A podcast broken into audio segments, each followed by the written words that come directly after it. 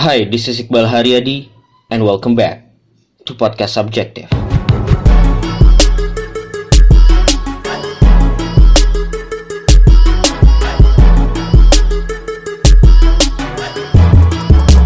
Sekarang tanggal 11 September 2019, gue sekarang lagi main di Ruang Tempo. Di sini gue sedang bersama teman gue, eh, Bapak Gerald Bastian. Yoi, Ih, halo. Iya, Gerald Bastian aja. Iya iya iya. Yang dikenal itu. Emang ada lagi yang lain? Enggak, itu aja. Ada Sebastian. Oh. Oke. Cuma gue prefer untuk pakai si Bastiannya aja. Yang adalah apa sih ininya? Lo biasa mengenangkan diri sebagai apa? Waduh. Rame. Ya, salah satu co-founder dari kanal edukasi edu- eh, di YouTube namanya Kok Bisa. Kok bisa? Co-founder, ya. Dahsyat. Jadi em, harusnya kita ngobrol bertiga ya. Harusnya bertiga cuma hari ini ada kabar yang cukup devastating. Ya kita baru saja kehilangan guru besar kita, guru besar yang sangat bahkan menginspirasi kita bikin kanal YouTube ini untuk. Jadi waktu itu kita sempat ketemu, sempat ngobrol sedikit, tapi salah satu kata-kata yang diingat sama beliau itu adalah eh, selain menjadi pintar, kita harus berbagi kepada sesama. Nah hari ini kita Uh, maaf banget harus kehilangan uh, presiden kita yang ketiga B.J. Habibie. Oleh sebab itu makanya satu co-founder lagi uh, kebetulan pengen bikin satu konten mengenai Pak Habibie. Ya, nah, nanti ditunggu tribute. aja. Ya, Tribute buat Pak Habibie. Yes. Yang Habibie. Ya, ya, turut berduka cita untuk eh, keluarga dan juga sebenarnya seluruh rakyat Indonesia lah ya, inspirasi yang sangat luar biasa Pak Yes. Habibie yang Habibie eh, beliau juga kan terakhir bareng sama kita bisa juga campaign untuk pesawat R80 Hmm. dan ya banyak banget lah yang kehilangan beliau eh, dengan segala inspirasinya dengan segala legacy dari science maupun impact-impact lain yang beliau ciptakan nanti di kok bisa akan diceritakan juga ya Ya. Sedih karena kita lagi kerja sama sebenarnya. oh gitu Iya. Jadi mak karena kerasnya dekat banget sama kita. I see, I see. Ya, jadi kemarin masuk rumah sakit, kita udah dapat kabar, terus hari ini pulang. Cuma ya bersedih, boleh cuma nggak boleh lama-lama. Yang harus kita lakukan adalah act out. Apa yang bisa kita lakukan setelah dari meneruskan apa yang Yes, sudah meneruskan dimulai. apa yang sudah diteruskan. Oke, nah eh, ya lanjutnya kita mau ngobrol-ngobrol aja sih eh, soal kok bisa. Mungkin nanti gue mau ini juga sih, mau mau minta si ketut ngomong juga ya, biar orang tahu siapa suara di balik. apa mau diajak aja sekarang? Nanti aja, nanti aja. Enggak, mumpung belum puyeng. Oh gitu gitu. Bentar, Mumpung belum bentar. terlalu Iya, dalam. Mumpung belum terlalu Oh, dalam. bisa, bisa, Coba bisa. bentar ya. Bisa, bisa, bisa, Gua bisa. panggilin. Eh, apa namanya? Top Gear. Ya, jadi diculik sebentar. Oke, oke. Sudah hadir nih, Anda bisa berapa menit ya ceritanya? Ya, Dua menit. Oke. satu-satunya hal yang terbatas di dunia ini cuma waktu. Sadis. langsung langsung lompat Tiba-tiba langsung ke kenapa satu menit 60 detik. Wih, video pertama. Eh, kenalan dulu, kenalan sebentar. Ya, oke. Eh, nama gue Ketut Yoga Distira. Gue co-founder dari Kobisa bareng Gerald Sebastian dan Oh, udah. Udah. Udah. Oh enggak, gue kira ada orang ketiga enggak ya? oh, orang ketiga. Nggak ada sih. Siapa orang ini? Enggak lo kayak tadi habis bareng Iya, iya. gue dan Gerald dan ya, kayak Ini, ini bercanda sekali coba hmm, takut nggak lucu nih. apa gimana gimana siapa tahu. Nggak, nggak, nggak. Enggak ya udah. Ini adalah Ya jadi tadi tadi udah cerita dikit kalau apa namanya kalau tim kok bisa dan lu juga lagi ngegarap untuk eh, tribute buat yang Habibie jadi mungkin nggak bisa lama-lama. Cuma gue pengen ini aja mungkin lo cerita dikit ya ini langsung langsung obrolan lu mulai abis itu nanti lanjut dilanjut Gerald aja. Ya. Jadi kalau kalau yang gue tahu kan sebenarnya yang pertama banget tuh lu kan, Hmm. yang pertama kali banget. Who's the nerd on the team sih? Nerd. Ya, the- the first nerd gue, terus harus disebarin. Oh gitu. Gerald tuh sebenarnya nggak nerd banget. Ya, dia eh, harus jadi ini orang yang mix gitu. Tapi firstly enggak. Enggak, gua gua first nerd malah. Oh firstly nerd juga. gue lebih geek dari dia dia dia nggak tahu Marvel Universe Oh, iya. dan gue baca Oke, gue oke. DC baca gue tuh lebih gue lebih suka fiction ya kan Iya iya. kalau dia lebih suka literally ke Yang gue. Star Wars wah gue gue babat semua Oke. Yang yang em, apa namanya? You guys apa sih teman kuliah? Ya, teman kuliah, teman bermusik sebenarnya. Oh oke. Bukan teman berdiskusi, bukan teman yang deket, bukan teman apa gitu. Teman bermusik tuh maksudnya lu ngeband bareng apa Iya, gimana? ngobrol bareng. Jadi kita suka akustikan, gitar, Oke. main apa Aditya Sofyan, main Depa Pepe. yang folk, Depa Pepe gitu-gitu jadi. Ini mau bermusiknya hobi doang apa manggung juga? Ya, sempat berapa kali manggung lah Oke oke. tapi ya mulai dari musik gitu. Oke, lu megang apa? Dua-dua gitar. Gitar, Berdua gitar. Oh berdua emang kayak ada ya pakai gitu. akustikan, ha. Oh oke. Jadi dari musik kita ngobrol-ngobrol gitu, terus ya udah, eh gue lagi bikin project ini nih apa gitu, oh eh, namanya kok bisa, apa tuh gitu, YouTube, oke, Itu lu udah mulai dengan yang video pertama itu. udah beberapa pilot, empat video, enam video, Oke oke. Yang correct me if I'm wrong, inspirasinya adalah in the nutshell. In the shell. nutshell, Banyak sih. course, uh, Kur- kurseza. CGP Kurs Grade. Gaza in a nutshell sama Oh, Kurs iya, Dash in a nutshell Ah. Crash Oke. Course yang John Ginn nama Henry Iya, iya, banyak iya, iya. advertising Vsauce Oke oke. Lu kan udah mau cabut nih, gue nggak mau nahan lu lama-lama. Cuma gue mau tanya, dulu yang video pertama kan kayaknya nadanya biasa aja. Terus akhirnya berubah nadanya jadi jadi yang sekarang gitu. Apa yang terjadi? Pivotnya apa? Pivotnya sebenarnya kayak gue nahan ketawa gue soalnya lucu. Ceritanya itu satu eh karena kita mulai ini sebagai project yang pokoknya gue pengen ada konten science di Indonesia gitu konten education. Jadi dengan segala budget dan sumber daya yang terbatas ya ya udah bikin aja dulu. Jadi nggak pernah direncanain suaranya kayak apa hmm. terus kontennya kayak apa dan mesti kayak apa gitu. Jadi basically dulu suaranya gitu ya karena emang kayak gitu. Iya iya iya ya, karena ya udah hajar aja. Terus, Eh, terus diajar aja. Terus eh, s- semenjak kita take off itu mulai banyak feedback feedback tuh. Dari komen dari orang-orang dari apa gitu.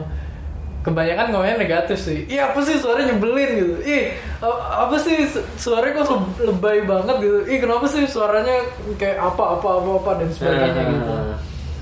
Uh, tapi di antara komen-komen negatif itu banyak juga yang mulai nonton kok bisa terus teman-teman deket kita bilang justru pertahankan bro itu ciri khas gitu Iya iya. Ciri khas tuh maksudnya yang yang sekarang. ya Yang sekarang dengan nada yang itu.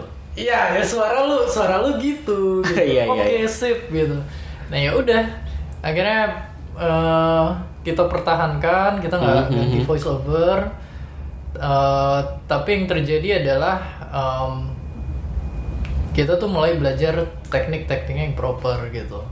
Gimana sih uh, apa tuh nih ngomong yang jelas gitu. Gimana sih ngomong yang nggak kecepetan ya. Terus gimana sih ngomong yang bisa mix sama musik gitu. Hmm. Dan seterusnya dan seterusnya. Hmm. Jadi intinya bukannya ganti gimana caranya lo nyanyi. Kalau lo singer songwriter tuh jangan ubah karakter lo, tapi gimana karakter lo itu tuh bisa semakin menghibur penonton. Dan itu yang kita lakuin. Hmm, iya iya iya. Dan sebenarnya semuanya diisi suaranya pakai suara lo ya. Ada yang enggak nggak sih? ada enggak Oh, ada yang enggak. ada beberapa kok dia lagi sakit enggak Karena sakit. Pilek ada pilek. Iya iya. iya. kalau pilek dia pernah ngisi cuma gitu suaranya jadi serak Komentarnya ada yang bilang oh ini lagi pilek nih gitu. Ya, miminnya. Atau di skripnya dimasukin saya ada, lagi pilek. ada, ada yang gitu. bilang kasihan Mimin lagi pilek tapi waktu itu kita lagi bahas apa ya lupa satu video cukup menarik karena membahas suku bangsa keberagaman suku bangsa suara lagi serak Min nggak bisa mikir sampai sakit ya Kayak gitu. Oh. Hmm, gitu. lagi sakit mah makanya nggak bisa mikir ya kayak gitu ya biasa lah komen-komen Aduh. netizen udah pada umumnya Udah biasa ya kayak gitu gitu. sudah dihatamkan lah Baik baik baik Pak. Selamat terima kasih waktunya.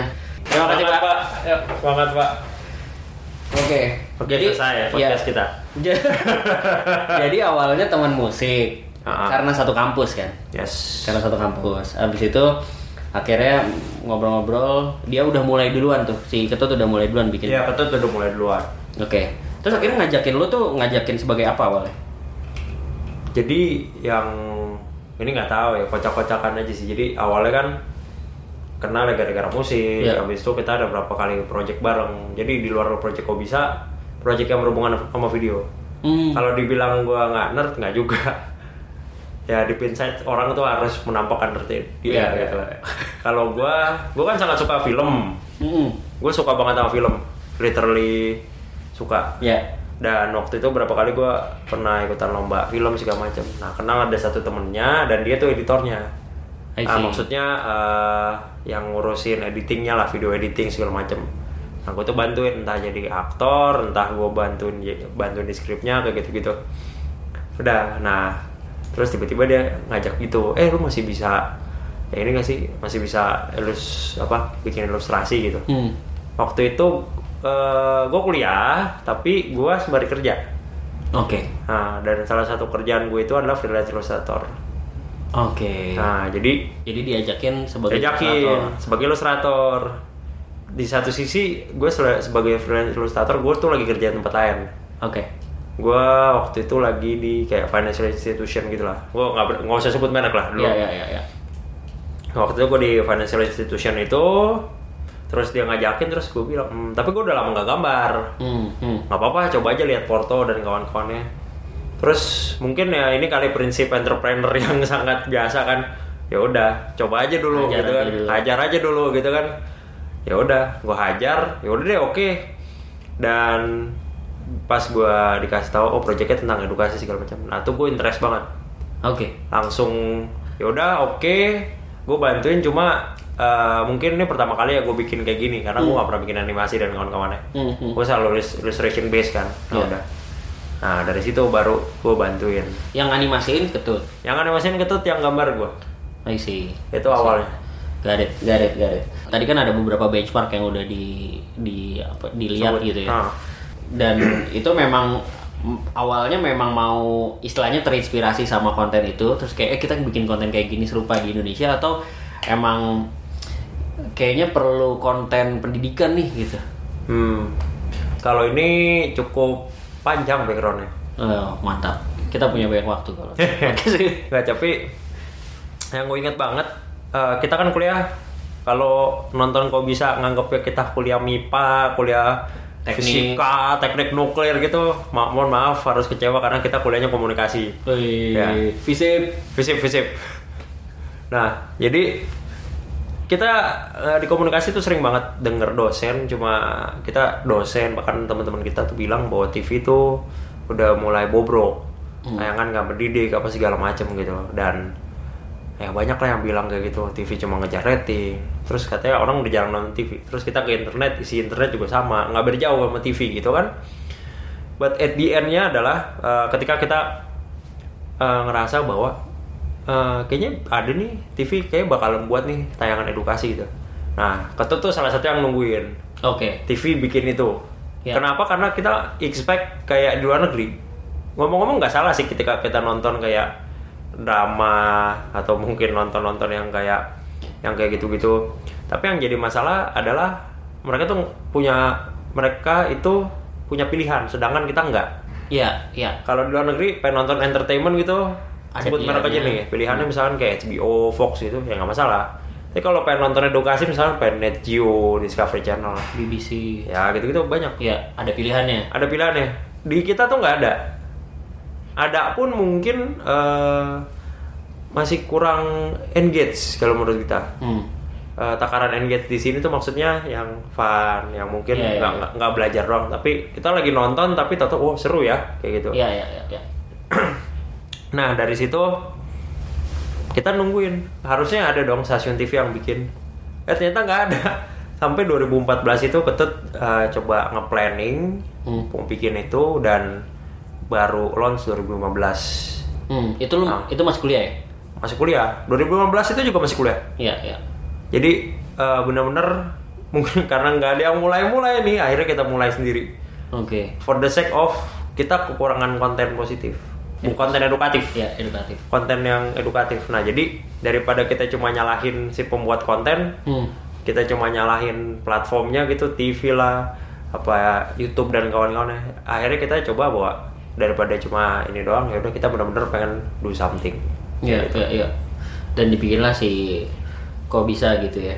ya dan akhirnya kalau dulu tuh namanya bukan Kobisa by the way Oh iya. ya dulu berapa kali gonta ganti nama cuma akhirnya yang paling serk tuh Kobisa Oh, pertama banget apa? Waduh, dia sih yang tahu cuma gua yang tahu ganti namanya tuh dia. Cuma gua gua gua tahu beberapa opsi nama. Salah satu ada waktu itu Indonesia 101. Oke. Wah, kacau kacau. Itu Tadi- udah sempat namanya Indonesia 101. udah ada anima- animasi kok. Oh iya. Iya. Dan, dan gua masih nyimpen file Wah, Oh. tuh kocak lah itu. Tapi akhirnya nggak jadi. Karena terlalu kecil, cuma Indonesia doang. I see. Karena seharusnya bisa lebih gede dari itu. Ya, dan waktu itu sebenarnya pengen ngebahas konten sejarah. Hmm, hmm. Ah, tapi setelah dipikir-pikir kayak bisa bikin konten yang lebih broad. Ya, ya, ya, ya, ya. Kayak gitu. Oke. Banyak lah. Iya, iya, iya. Dan akhirnya dimulai lah kok bisa. Terus what's what's the first eh, kayak giant milestone lah atau kayak oh take off nih ternyata gitu. Hmm. Eh, take off-nya itu ini yang gue sering cerita, cuma harus ingat bahwa kata itu mulai 2014, 2015 gue masuk, gue ingat tanggalnya. Gue masuk tuh awal Agustus lah. Ya. Awal-awal Agustus, saya sebelumnya udah kenal ngobrol. Awal-awal Agustus, eh, kita udah beberapa kali upload video kan tadi yang Ketut bilang udah berapa kali pilot. Ya. Video-videonya ya, ya gitu-gitu aja. Iya. Naik turun, naik turun, yang Ah, nonton ah.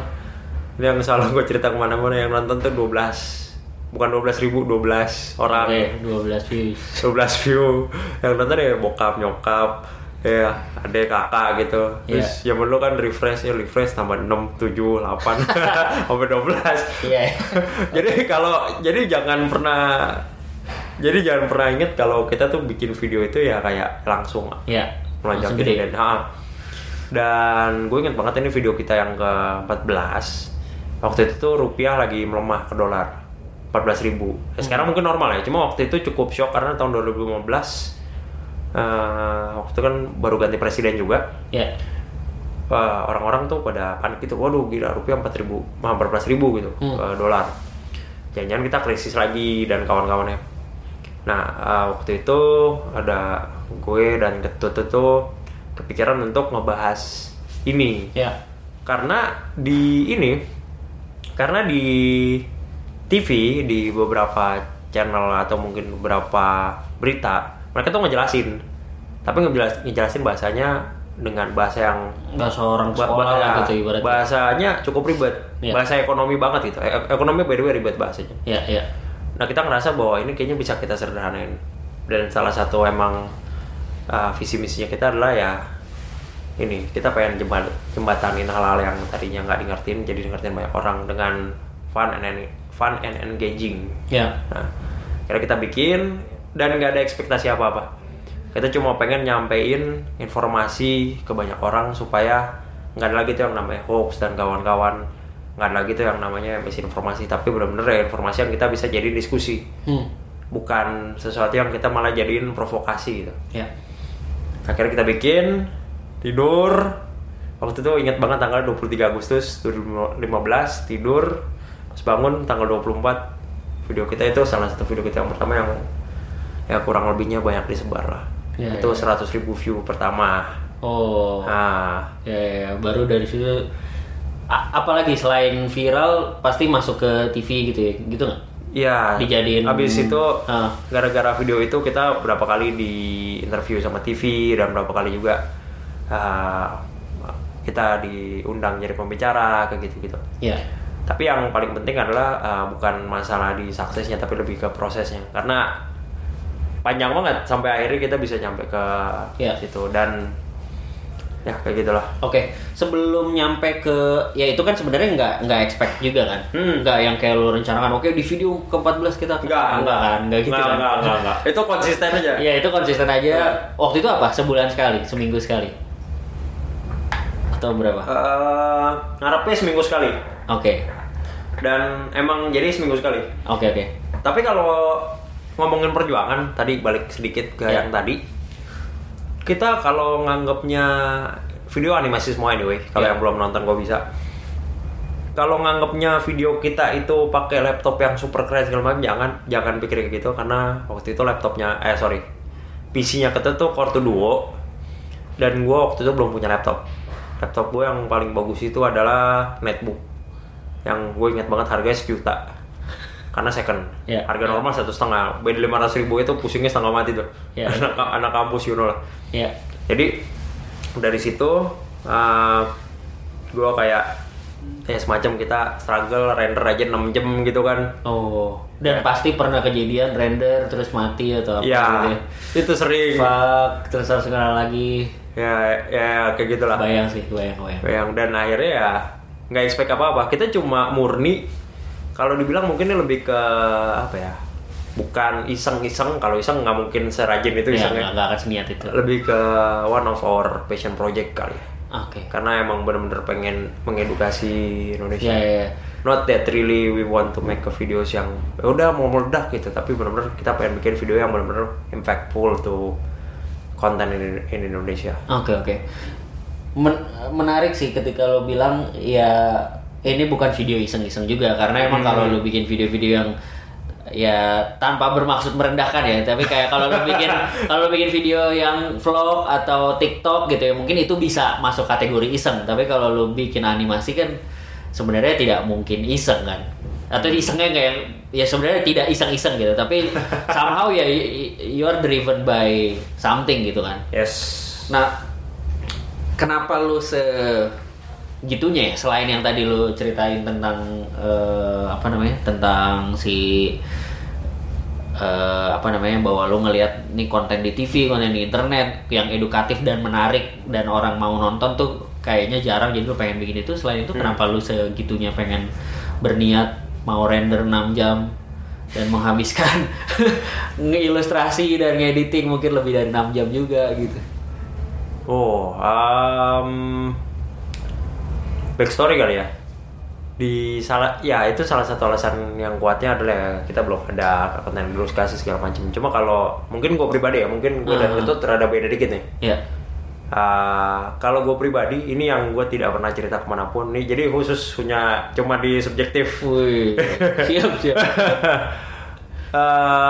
gue itu bukan kalau ngomongin edukasi gue bukan orang yang sukses banget atau gimana banget. Pas zaman SMA itu gue pernah naik kelas sekali. Itu kelas berapa? kelas 1 Kelas 1. kelas 10 kelas 10 ke kelas 11 Iya, iya. gue nggak naik kelas. Ya. Dan di situ gue gue cari dong reasonnya why. Kenapa sih gue nggak naik? Tapi ketika gue menanyakan hal itu justru gue malah mendapatkan banyak jawaban gitu kayak cara belajar gue salah ini apakah pendidikan gue yang salah? Eh, enggak cuma cuma literally gue gue, gue menanyakan hal itu. Gue bertanya gue gue bener-bener pengen tahu apa sih yang bener-bener ini dan akhirnya gue menemukan satu titik di mana oh berarti gue pengen cari tahu dulu reason why gue harus mempelajari ini. Nah itu gue nyadar itu pas gue SMA Ketika nggak naik kelas. ketika gue nggak naik kelas ya mungkin harus dihajar dulu sedikit gitu Iya. iya. but the reason ketika gue nyampe sana dan akhirnya ak- akhirnya akhirnya gue terus naikin nilai pas-pasan sih jangan nganggap abis itu gue langsung juara Iya. berapa gitu but abis itu ketika itu gue menanyakan apakah pendidikan yang Indonesia ini harus kayak gini Hmm. karena waktu itu gue sebenarnya cukup struggle gue uh, gue waktu itu ada di sekolah sekolah unggulan lah persaingannya ketat that's why gue nggak naik kelas cuma ada satu hal yang gue terus menanyakan dalam diri gue Eh, kok kayaknya di sekolah ini uh, don't get don't get me wrong ya cuma kayak di sekolah ini terlalu banyak textbook thinking dan kawan-kawannya gitu. Hmm. sampai akhirnya jampi ke sekarang ini gue baru nyadarnya tuh 2019 ini bahkan belum eh, setelah kok bisa. Eh gue itu jadi istilahnya di edukasi itu ada dua. Ada yang eh, book smart Ya.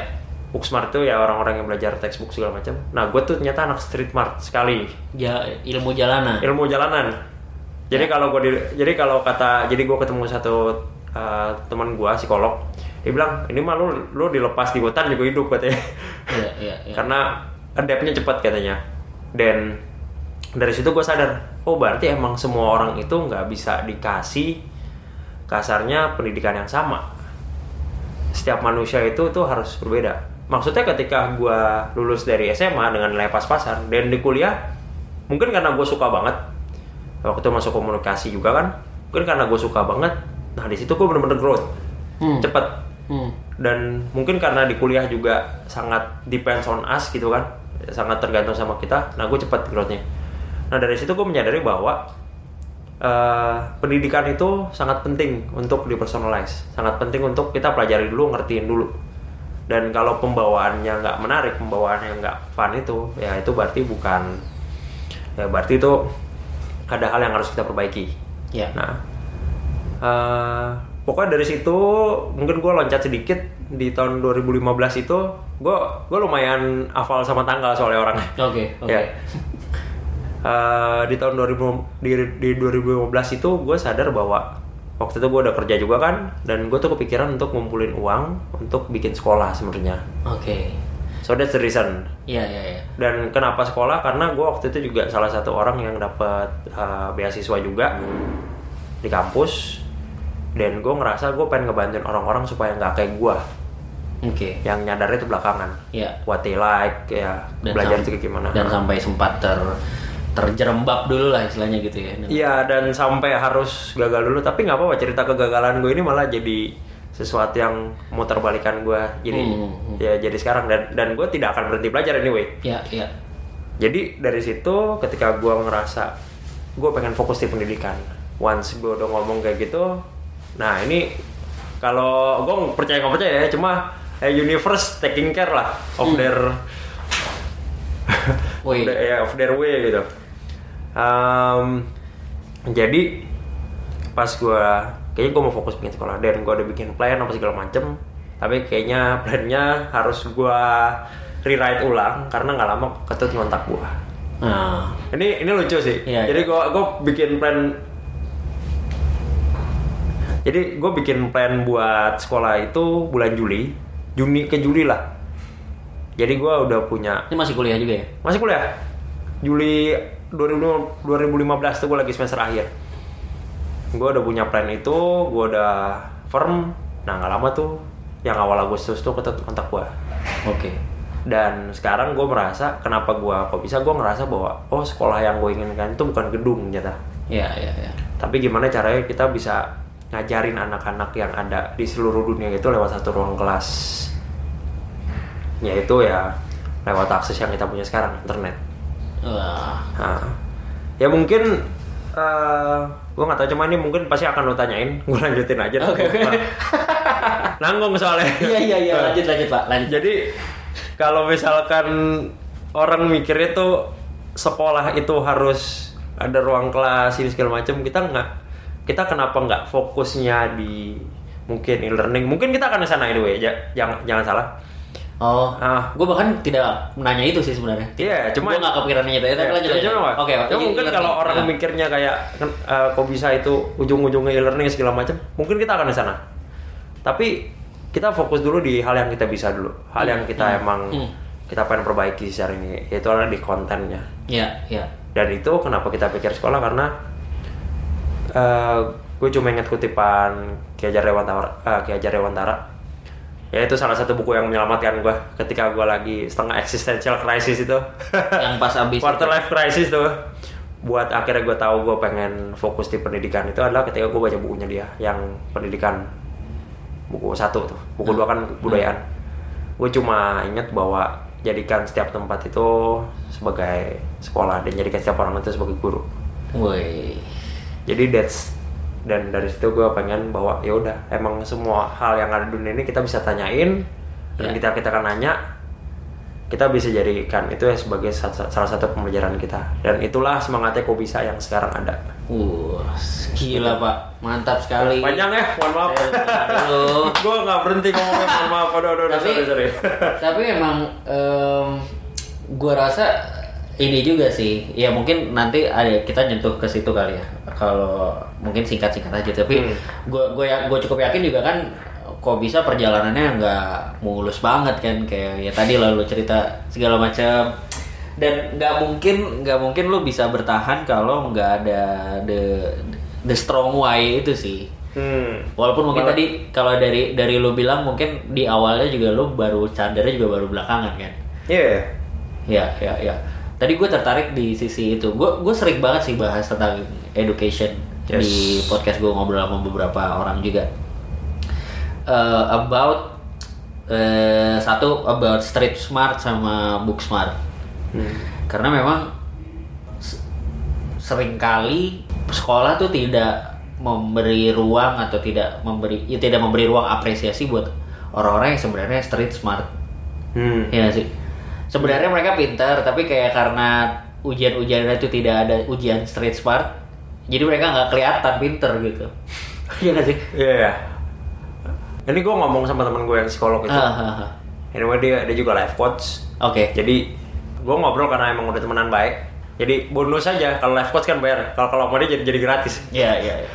Dia bilang gini, sebenarnya di pendidikan kita yang sekarang jamnya kan udah clear. Ya. Misalkan satu jam itu 30 menit. Dan guru tuh udah memastikan ada jamnya. Misalkan 20 menit ngajar, 10 menit tanya jawab. Ya. Nah, kalau ketemu anak kayak gua yang street smart, yang sangat kriya sekali, yang emang bener-bener nanya gitu, guru tuh akan wasting time banyak.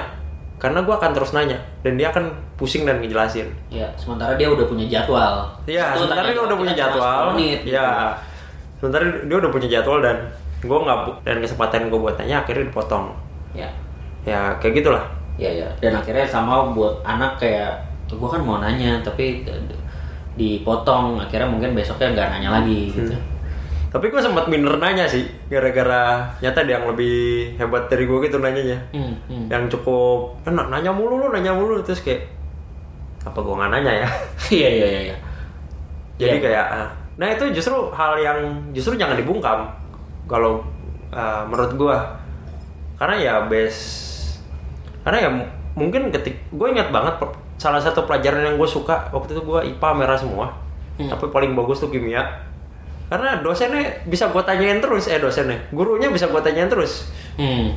bener-bener semua pertanyaan gue tuh kejawab Iya iya. walaupun dia akan exhausted gitu tapi rasa ingin tahu gue tuh kejawab semua Oke. Oke mungkin itu yang membuat nilai gue di kimia tuh jadi cukup baik Iya iya iya iya. Karena rasa penasarannya, rasa hausnya ter inilah ya, terbayar gitu. iya Nah tapi emang ini juga sih Gar.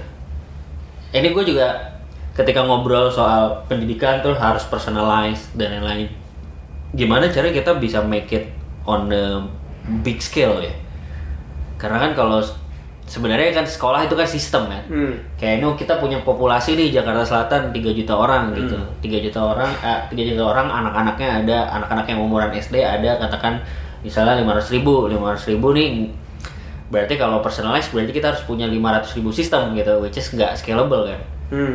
nggak bisa ya sulit lah gitu kayak harus dibikin personalized sebesar itu gitu. Makanya akhirnya ada sekolah gitu. Hmm. sekolah mau nggak mau ya satu sekolah membawahi ada berapa dua tiga ratus anak misalnya gitu. Tiga ratus anak ya mau nggak mau mereka akhirnya di bawah satu sistem di bawah sistem sekolah ini. Yang mungkin akhirnya yang harusnya ada 300 sistem individu dibikin jadi ada satu sistem besar yang mewadahi 300 orang gitu kan 300 individu gitu. Menurut lu how can internet personalized personalize that kind of learning Oh. is that possible pertanyaan lo ini pernah di, gue pernah nanya persis ya lo lah kalau kita satu-satu lama banget gitu Hmm. dan ada jawaban yang unik ini gue ngam ini gue ngutip dari mbak Ella ya ya mana jelas siap Najla Shihab, Ah. nah. sebenarnya nggak salah ketika lu bikin satu sistem dulu di awal sebenarnya hmm. ketika lu maksudnya gue tuh ada satu yang gue bilang kayak itu orang harus paham dulu apa segala macam. Sebenarnya ketika ngafal tuh nggak salah di awal ya jangan kayak harus hafal sih macam. Nah nanti ke depannya ketika lu udah karena kan yang kalau di struktur sosial yang orang lakuin itu kan mengimitasi lu nih nyontoh dulu nih. Betul. nyontoh dulu yang kayak gimana baru nanti lu akan identifikasi peran lu. Ya. Kayak gitu kan? Ya. nah justru ketika identifikasi perannya itu peran guru itu harusnya menurut gua jadi lebih ke dia tuh lebih ke fasilitator. Jadi nggak apa-apa justru menurut gua mungkin awal-awal dasar gitu Ya. let's say TK atau SD ada very moment mungkin ada beberapa materi yang emang harus dipelajari terlebih dahulu. Tapi pelajarannya bukan cuma ngafal aja ya mungkin ngafal pertama habis itu baru kita kasih tahu reasoningnya kayak gitu. A- atau malah kasih reasoningnya dulu gitu kan habis itu baru kita kasih beberapa hal yang mungkin bisa dihafal. Karena terus kalau misalkan dikaitkan sama internet Hmm. bisa atau enggak? Menurut gue bisa. Gue gue nggak tahu ini relevan apa enggak. Tapi kalau gue ngambil contoh dari Finland lah ini pasti udah banyak orang yang Iya, ngomong. Eh, ini ini bisa ditaruh di podcast juga. Nanti bisa cari namanya buku judulnya Finish Lesson Finish Lesson 2,0 lah guys ya. Apa udah 3,0 gue nggak tahu. Oke. jadi dia ngejelasin tentang Itu kayak kurikulumnya gitu.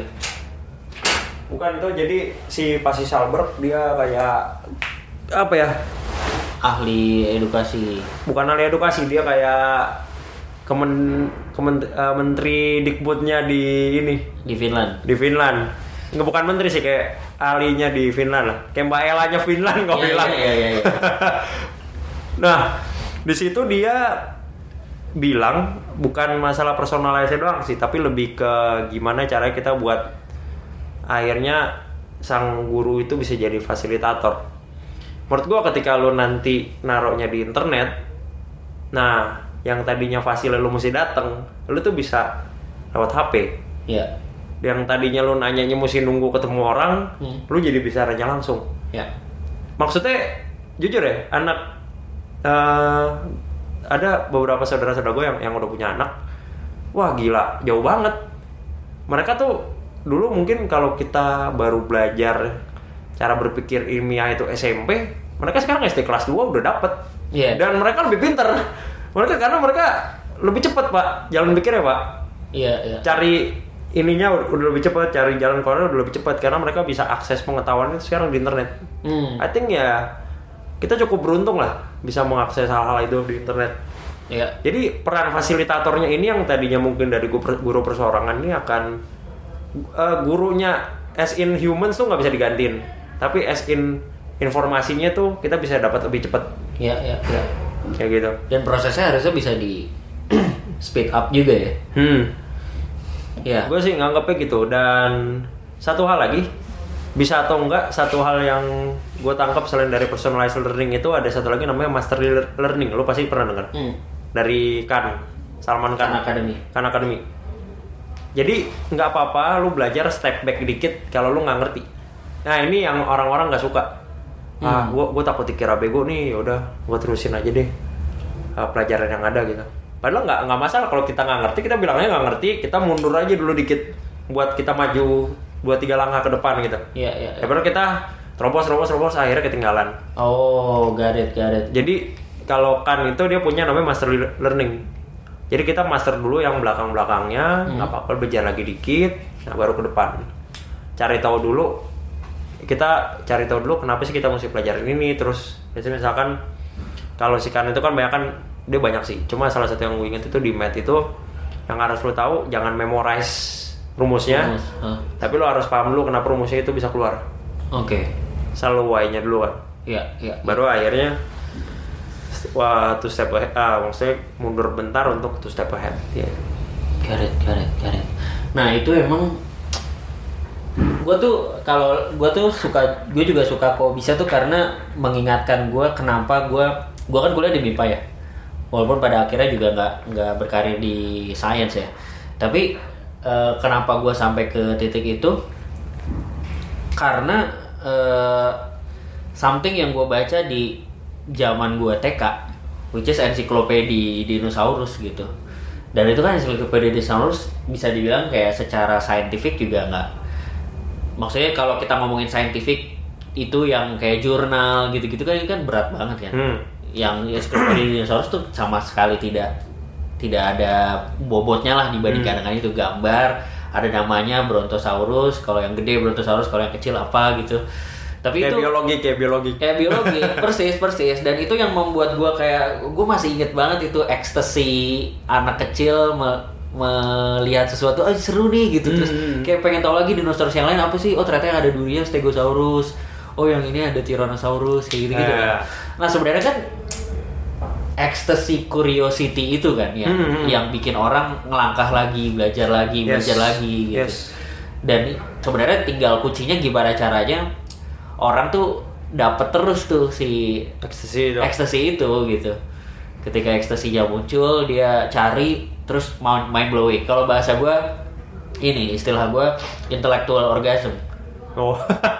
Iya kan? oke paham ketika paham. ketika lu nemuin sesuatu ada ada yang lebih bagus bahasanya. Iya kan? Apa? Ada namanya dopamin. Dopamin. Iya. iya iya iya iya Iya sama. Iya, dopamin. Orgasm kan menghasilkan dopamin. Iya, dopamin fase. Lo lo lo lo anak biologi lebih lebih ini lah. Jadi ketika lo, wah gue penasaran nih sama ini terus lo nyari ternyata ada jawabannya kan kayak, uh ada di otak Iya. tuh meledak gitu kan. Mind blown gitu. Mind blown. Jadi kalau dari kok bisa, audiensnya tuh rata-rata di umur berapa sih? 1824 malah. 18 24 SMA kuliah. I see, I see. Ada eh, itu yang pertama, yang kedua sih 13 17. Ya ke bawah lah ya. Pada akhirnya si kalau secara tema tuh emang dibikin broad atau lo bikin kurikulum juga sebenarnya. Eh, untuk saat mm, mm, kita sih sekarang udah lebih ke mungkin akan lebih mengerucut nanti nantinya. Oke. Cuma emang sengaja dibikin broad. Nah, kalau lu tadi bilang, aduh gua anak biologi gitu, ujung-ujungnya gua salah jurusan. Menurut gua tuh salah jurusan tuh cuma jargon. Hmm. Justru menurut gua malah keren. Lu anak biologi, sekarang lu marketing kan itu, itu Ya. kan? ya lu marketing, ya kita bisa gitu. Justru ilmu biologi lu itu bisa lu terapin di marketing lu. Bisa. Nah, itu yang saat ini menurut gue jadi semacam miskonsepsi. Kayak, ah gue cuma pengen belajar komunikasi doang nih. Ya. Gue anak komunikasi tapi kok ngerjain science. Ya. Emang ngerti gitu. Menurut gue, ilmu ini indahnya ilmu pengetahuan ya. Menurut gue. Karena satu ilmu pengetahuan itu, semuanya itu sebenarnya berhubungan. Setuju gua.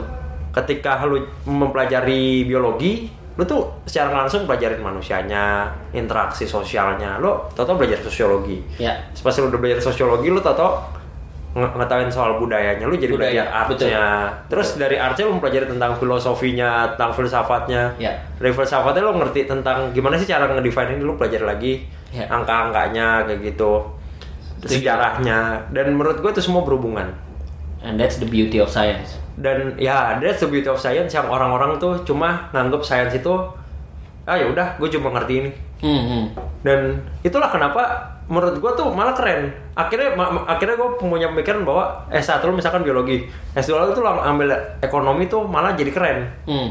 karena lu tuh ah berarti lu haus akan sesuatu yang lain. Tapi bukan berarti lu specialize ke biologi biologi biologi. Itu itu juga nggak salah. Berarti lu emang akan fokus ke sana. Dan dua hal itu ya masing-masing ada kelebihan dan kekurangannya masing-masing. Iya, iya, iya. Dan sebenarnya kalau di zaman sekarang sih tuh yang sering dibahas kayak kalau di media atau di teori itu 21st century skills. Justru makin ke sini yang di expect dari seseorang di dunia karir itu justru lu harus bisa cross science ya sih? Lu harus bisa karena ini this is not the age of lu ngegali science baru. Karena ibaratnya kayak foundation science tuh semuanya udah tertata rapi informasinya udah ada lu tinggal nyari gitu. Collaboration. Collaboration dan connecting the dots Yes. gitu. That's what uh, people need sekarang. Karena kalau lu nggak bisa connecting the dots, ya lu nggak bisa bikin sesuatu yang baru gitu. Karena hal-hal yang hal-hal yang penting yang perlu ada tuh udah ada semua gitu Hmm. ibaratnya. ya. Pilar-pilar pilar-pilar biologi udah ada, pilar-pilar oil and gas udah ada, Ya. pilar-pilar komunikasi udah ada. Nah tinggal gimana connecting itu. Karena gue jadi ingat one of the thing yang bikin Elon Musk sangat luar biasa karena dia mempelajari banyak hal gitu dan dan yang salah satu learning stylenya dia yang dibahas sama banyak media adalah eh, apa ya bahasanya istilahnya gue lupa tuh. Eh, intinya dia mengaplikasikan suatu teorema atau format di satu bidang terus dia dia aplikasikan di bidang yang lain. Jadi kayak misalnya di fisika ada rumus tentang gravitasi gitu. Nah rumus gravitasi itu dijadiin rumus yang sama untuk ngomongin um, economic balance gitu, oh itu sering kok. Ya kan? yang sering itu si game teori itu yang sering dipakai Ya, yeah, itu kan man- yang ngomongin politik Ya. tapi nggak game teori ini bisa dipakai macam-macam Ah, bisa ya. dipakai ngomongin sumpah pricing Ya. lu nentuin harga pakai game teori soalnya kan ada demand and supply kan Ya, lu lu nentuin pacaran pakai game teori kayak gitu gitu loh ya, ya, ya, ya. Ya, justru dari satu ilmu bisa nyebar ke banyak ya. Nah itu salah satu skillsnya si Elon Musk yang di highlight. ya connecting dots connecting the dots itu. mungkin ini yang berubah jauh banget tuh dari 20 20 century ini skill sama 21st century itu adalah kita mungkin udah mulai ninggalin rote learning rote rote ya tulisannya rote Hmm, apa tuh? ngafal Oh, oke. yang menghafal yang ini segala macam nah Gue tidak pernah menghafal apa pun ya, lagi. cuman don't get me wrong ada beberapa yang emang mesti dihafal kan ya, ya. Uh, menghafalnya itu berubah uh, dikembang bukan berubah tapi lebih dikembangkan menjadi lebih kritikal Ya, karena sekarang aksesnya udah gampang kan? Ya. akses udah gampang supaya lu nggak kemakan sama akses kabar yang bohong. Ya. kita lebih kritikal dan dari kritikal itu ada uh, connecting the dots ada collaboration segala macam creative thinking. Creative thinking itu adalah salah satunya adalah connecting the dots. Betul, betul. karena creative thinking itu sebenarnya cuma kemampuan kita untuk connecting the dots saja kemampuan kita untuk naruh hal yang mungkin ini jadi aneh mau sorry ini mungkin ini biasanya lasimnya gini cuma karena kita taruhnya di tempat yang nggak lasim jadi makanya unik kreatif Betul. contoh lo bikin diskusi sains tapi di tapi di let's say misalkan di bar gitu Ya, ya. kan jadi oke this is new Ya, ya, ya. kayak gitu atau lo ngomongin apa misalkan presentasi startup gitu demo day tapi di hangkar pesawat ini so kreatif kan Iya. sebenarnya itu tempat gak lasim gitu Iya. cuma tato jadi oke this is new Dulu gue tiap di lab kimia gue tuh kebayang ini sih. Ini lab kimia harusnya bisa jadi bar nih. Terus gelas-gelas itu labu Erlen Meyer gitu-gitu. itu jadi minumnya lo bisa milih gelasnya yang unik-unik ya kan. Terus ngaduknya pakai yang itu. Lu dulu apa sih IPA apa IPS? IPS Oh, IPS, ya. tapi gue sangat cintai pak Iya. Ketat juga IPS by the way Oh iya, ketut IPS juga. Hah. Siap, siap, siap, siap, siap. tapi yang bikin cinta IPA sama kayak lu ada cinta sama buku kita juga ada Ya, ya, ya, ya, ya. lo harus baca Cosmos Kosmos apa? Carl Sagan Oh, gue belum. Gua wah belum baca. oh serius Gua dulu, gua dulu tuh tahu Carl Sagan dari ini, dari nah ini mungkin salah satu yang bikin kok bisa jadi signifikan juga ya. Maksudnya yang media yang seperti kok bisa. Gue tahu Carl Sagan tuh eh, dari komik Zen Pencils, tau nggak? Hmm, enggak itu apa dia? Dia intinya dia tuh dia tuh ngambilin kutipan-kutipan orang-orang hebat. Tulis ada dari tulisan-tulisannya atau dari speechnya. Terus dia bikin ilustrasinya. Dan itu wah itu oh menarik. moving banget. Coba lu cari deh Zen Pencils. Kayaknya terakhir gua tahu dia tuh udah nggak aktif sih tiga tahun yang lalu. Kayak dia memutuskan Zen Pencils mau gua hold dulu gitu gua mau fokus ke yang lain gitu. Tapi ah, ininya banyak banget. Zenpencils.com kalau lo nggak ini. Itu zaman gua kuliah juga tuh gua ngeliatin anjir. Nah gua tahu tuh Carl Sagan dari situ. Oh menarik. Eh, tapi gua akhirnya nggak pernah ngulik lagi Carl Sagan apa dia tuh apa sih? Penulis sains. Jadi dia, sumpah ini kalau ada yang denger kalau salah mohon maaf. Jadi dia dulunya dia astronot, Iya eh, astro astronomer lah ya. Iya, ya, pokoknya dia Ya. emang ini sih. Iya, betul betul. Dia tuh dari atas, dari ini, dari Oh, yang pale blue dots, ya nggak Yes. sih? Akhirnya tuh turun. Eh pas balik, pas balik itu dia tuh ngerasa lebih humble. Ah, Karena ketika dilihat di atas, wah bumi kecil banget ya. ada sebuah titik berwarna biru muda gitu. Ya, bumi kecil banget ya. Dan dia tuh pengen nyebarin bahwa kita tuh terlalu kecil di alam semesta ini. Ah, iya ya, gue ingat. Nah, dan sebagai pengalaman kita sebagai seorang saintis, sebagai orang yang emang belajar itu, Ya. kita itu tuh harusnya merasa bahwa kita tuh nggak pernah puas dalam belajar dan kita tuh harus merasa lebih humble lagi dalam Ya, belajar. ya, ya. Tidak ada uh, tempat untuk sombong lah gitu. Kalau Iya. kata Einstein, sebenarnya gue nggak tahu nih Einstein apa Aristoteles. The more I learn, the more I realize how much I don't know kan. Iya. Semakin gue belajar, gue semakin nyadar bahwa gue nggak tahu gitu. Ya, ya. Gue So that's point. Gue ingat judulnya uh, Pale Blue Dots nih. Iya, Pak, Pale Blue Dots. Consider again that dot. Ini That's kita here. ada di video kita yang kemarin sempat masuk trending. Ya, that's Yang- home, that's us. Ya, ya. ya. Udah udah nonton video. Beautiful, beautiful. Ya, oke, oke. Seberapa luas alam semesta kita itu kita juga ngambil satu kutipan dia. Ah, mantap, mantap, mantap, mantap. Jadi eh, yang moving banget adalah orang sekala Sagan udah saintis, pintar dipandang di mana-mana gitu. Dia segitunya aja pengen ngebagi ilmunya ke banyak orang. And that's why another reason kenapa kita pengen ngebagi kasarnya ilmu yang gede ini ke banyak orang. Ya. That's, Ya. dan gue gue selalu merasa ini juga sih gue selalu merasa ya eh, ini sih personal gue aja ya gue selalu merasa sebenarnya tipping point terbesar orang untuk masuk ke this loop of curiosity ketika dia ngerasa kayak wah anjir nih gue harus belajar lagi harus belajar lagi itu emang sebuah pintu kecil di pintu kecil aja gitu. Ketika dia udah masuk ke situ dia akan eh, jalan dengan sendirinya gitu. In in in this case kayak yang tadi gue bilang kalau di kasusnya gue ensiklopedia dinosaurus itu gitu. Di di fase kuliah gue eh, komik-komik kayak gini nih. Yang itu sebenarnya dia nggak bukan sains ya gitu ibaratnya bukan sains beratnya itu bukan di sini yang gue pelajarin harusnya bukan ini gitu ada lagi setelah itu tapi yang bikin yang membuka pintu gue untuk menelusuri jalan itu yang kayak gini-gini gitu dan gue ngerasa kalau bisa tuh mainnya emang di situ gitu ngebuka pintu banyak orang buat Hmm. akhirnya oke Yes. gue kayaknya harus menelusuri nih jalan ini gitu kayaknya Yes. menarik nih gitu Iya iya. Kita kita selalu punya moto buat kita pengen entertain dulu kasarnya. ya Dibikin menarik dulu baru kita ajarin. setuju gue Jadi jangan justru malah ayo kita belajar inflasi gitu. Orang udah takut duluan. apaan sih inflasi? Ayo kita belajar eh, kalkulus gitu. Orang udah takut duluan aduh, gitu. aduh, aduh. Aduh, Teringat kalkulus tuh- dia.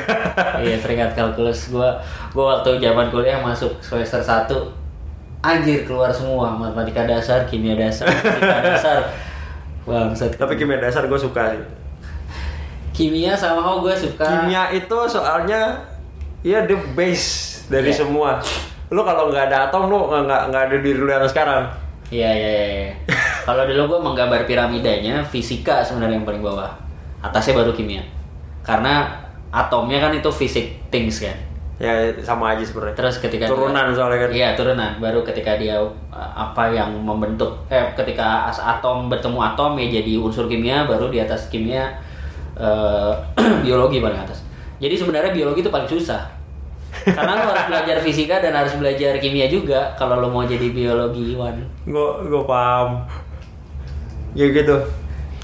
Gitu sih kalau konten Iya, iya, yang sebenarnya Oh iya, gue ingat dulu pas jadi gue cuma ngomong kegagalan gue ini di sini Aha. sama eh, dulu pernah cerita juga di Google waktu itu kita dapat undangan ke Google I.O.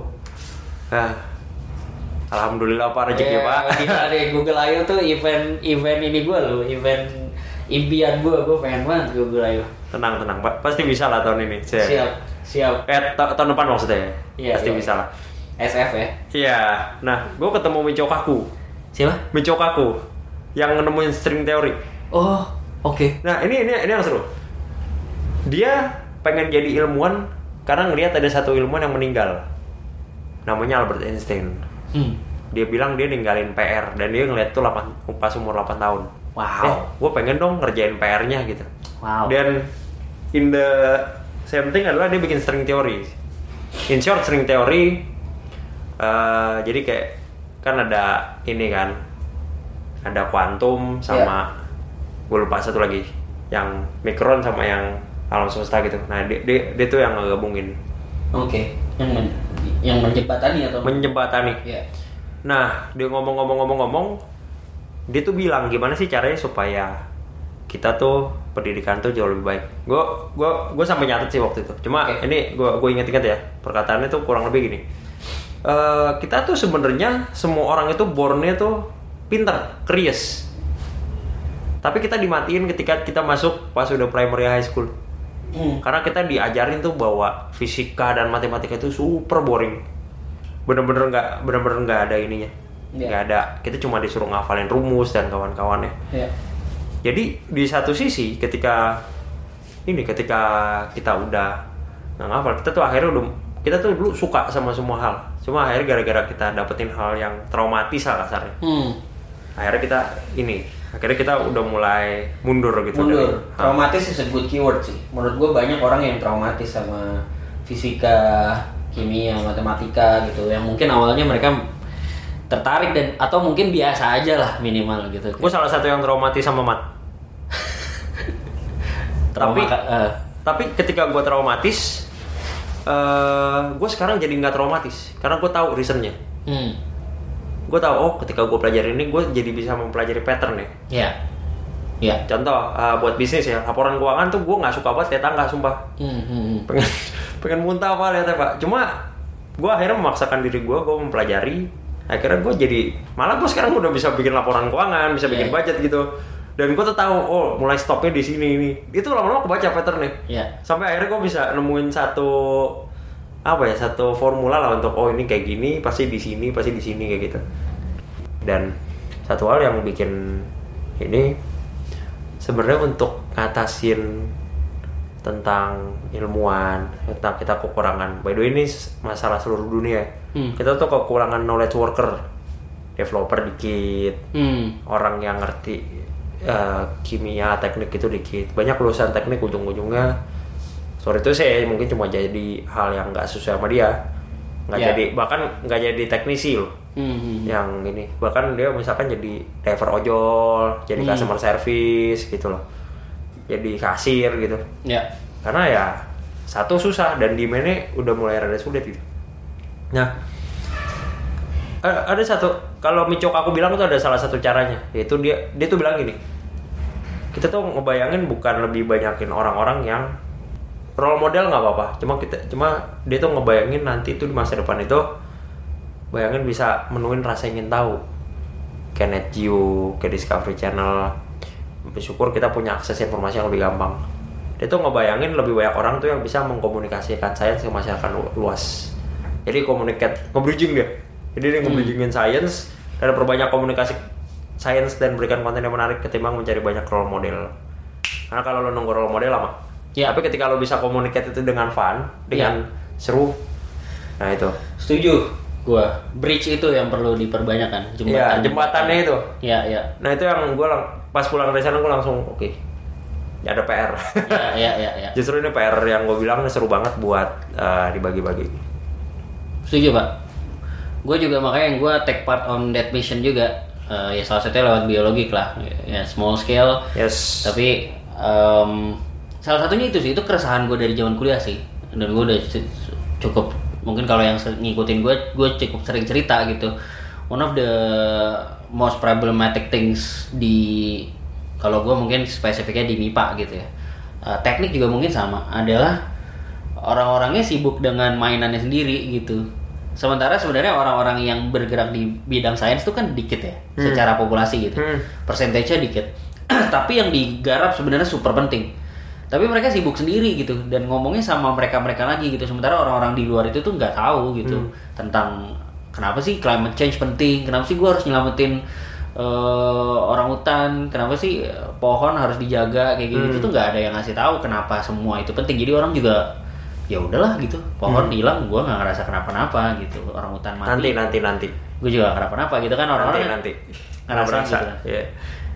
kalau udah kejadian baru nah makanya gue suka banget yang kayak contoh kayak Interstellar lah gitu Oh iya. nah Interstellar tuh sebenarnya as a movie it's not a science movie sebenarnya kan it's a drama Fiction. movie. it's a drama menurut gue Iya. Drama lah itu ada cinta-cintaan. drama keluarga sebenarnya kan hubungan antara orang tua sama anak gitu Iya. tapi dikemas dengan science tapi secara tidak langsung akhirnya orang jadi belajar science gitu tapi Iya. yang menarik orang untuk lihat itu adalah dramanya Lo salahin Nolan kenapa bisa kayak gitu? Keren banget tuh gila. parah parah gue ini banget sih nganga gue waktu lihat ininya black hole Kalau lu liat Black Hole. Scene Black Hole. Black Hole-nya bikin gua nggak buset.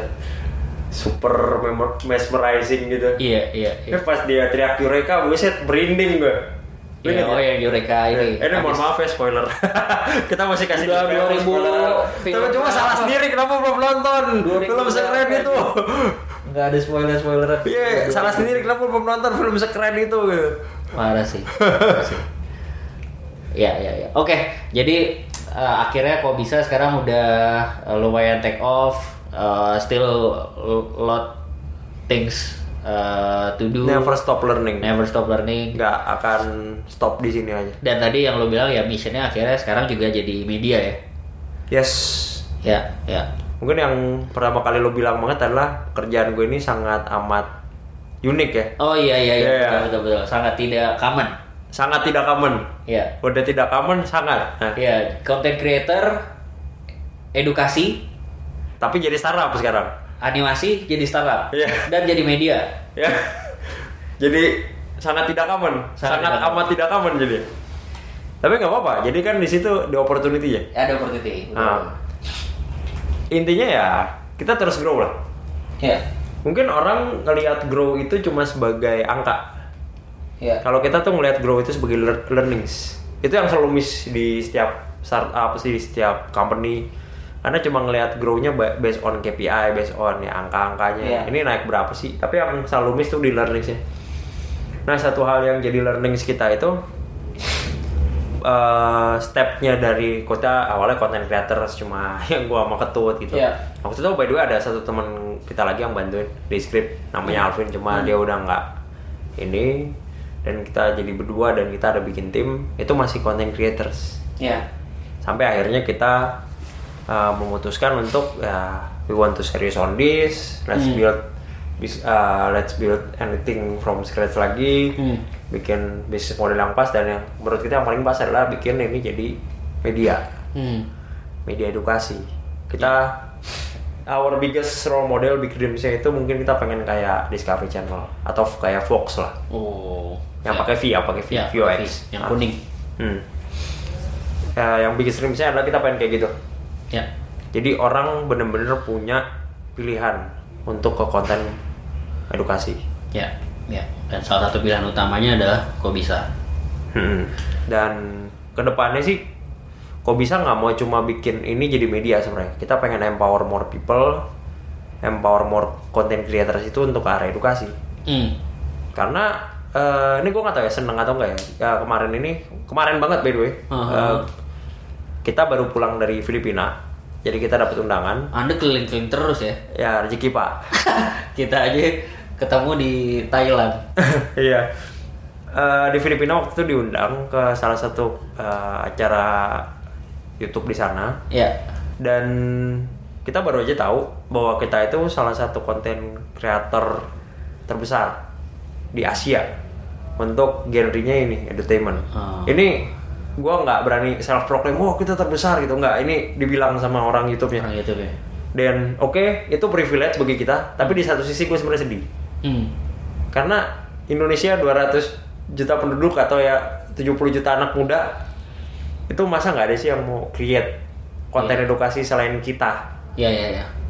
atau at least ada konten konten konten mereka agar kita bisa empower Iya. untuk at the end of the day adalah ya kita impactnya yang kita pengen hasilin ke banyak orang masa nggak ada sih at the end itu benar-benar Hmm. kita bisa bantuin mereka gitu Ibaratnya tadi yang pas lo di di diklaim oleh YouTube sebagai salah satu yang terbesar di Asia tuh somehow kayak lu sedih. Eh, ini mungkin kita gede karena eh, paling gede karena nggak banyak gitu kompetitor ya sih. Nggak banyak itu yang itu itu privilege tapi Nah. di satu sisi gue sedih karena ini kan hal yang akan merubah lu anyway Iya. edukasi kan Hmm. kenapa ini nggak ada gitu Kenapa nggak banyak? kenapa nggak banyak Hmm. dan eh, mungkin banyak reasonnya satu susah Hmm. dua su- sa- satu susah bikin kontennya udah susah bikin kontennya udah diupload nggak ada yang nonton Susah laku juga. susah laku juga orang makin ya stres lah pasti Iya. sampai akhirnya give up ya udah gue mendingan uh, balik yang ke gampang aja deh gitu Iya, konten-konten yang konten-konten yang gampang gitu. Tapi kita tetap nggak mau matiin mimpi itu. Ya. I mean ya, ini nggak cuma di Indo ya, I mean di seluruh dunia ya, bikin konten edukasi itu susah, for sure. Hmm. Lo bikin biologi juga pasti susah kan, lo harus mikirin ini, gue bikin ini, message-nya ya? nyampe nggak ya, nyampe nggak, abis lo harus riset lagi, riset. bahkan lo harus ngerti dulu, baru Iya. akhirnya lo Waktu itu sempat ada juga eh, kita bercanda doang, eh dianggap eh, orang berantem lah intinya, Iya. menyinggung. Aduh, Iya, saya cuma mau mengedukasi dia anggap menyinggung. Ya jadi serba salah. Cuma kan dari kesulitan itu kita sadar bahwa this is the chance untuk kita sebenarnya lebih empower more people. Eh, lebih ya kita pengen ngedorong mereka semua tuh untuk bantuin di gimana cara untuk kembangin konten edukasi yang ada di, di Indonesia gitu. Kalau di Asia by the way yang paling gede itu ada di India. Hmm. Nah, kita bilangnya ya yang se Asia Tenggara lah kayak Ya, gitu ya, ya, ya, ya. karena ternyata nggak banyak Asia Tenggara sama Australia by the way Ya. ya kayak gitu lah Oke, oke. Nice, oke.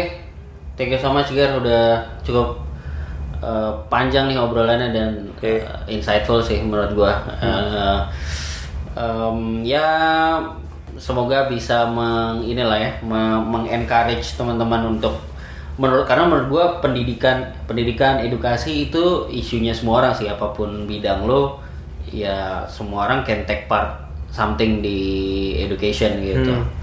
dan ya again ya gue sih salut dan respect sama kok bisa salah satu yang konsisten Ya, untuk sama-sama membuka- juga, Pak.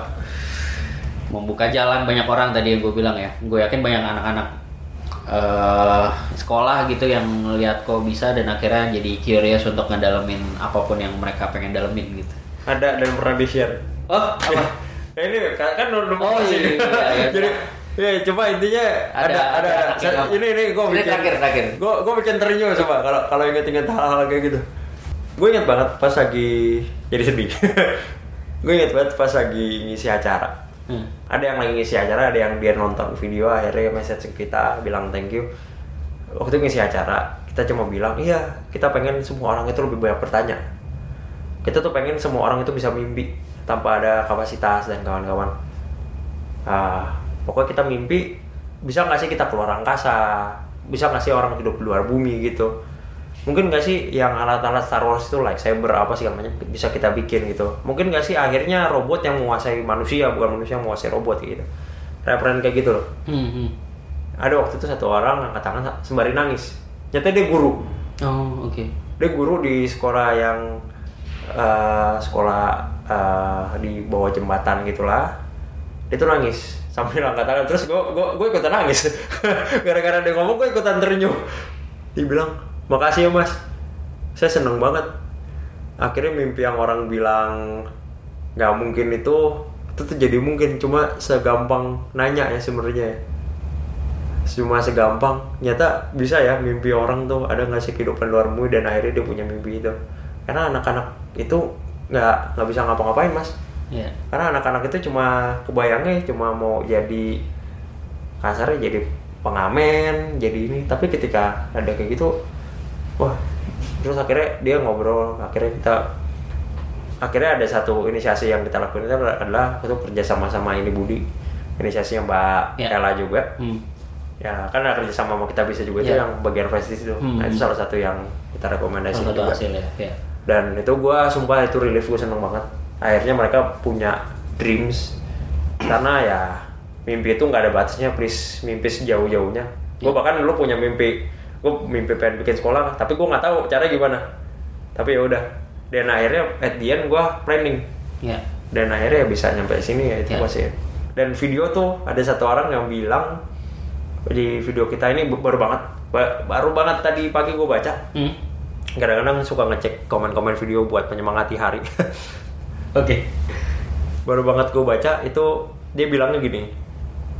Min thanks banget ya. Dengan ini gue jadi sangat gue sangat ini by the way video yang filsafat ini.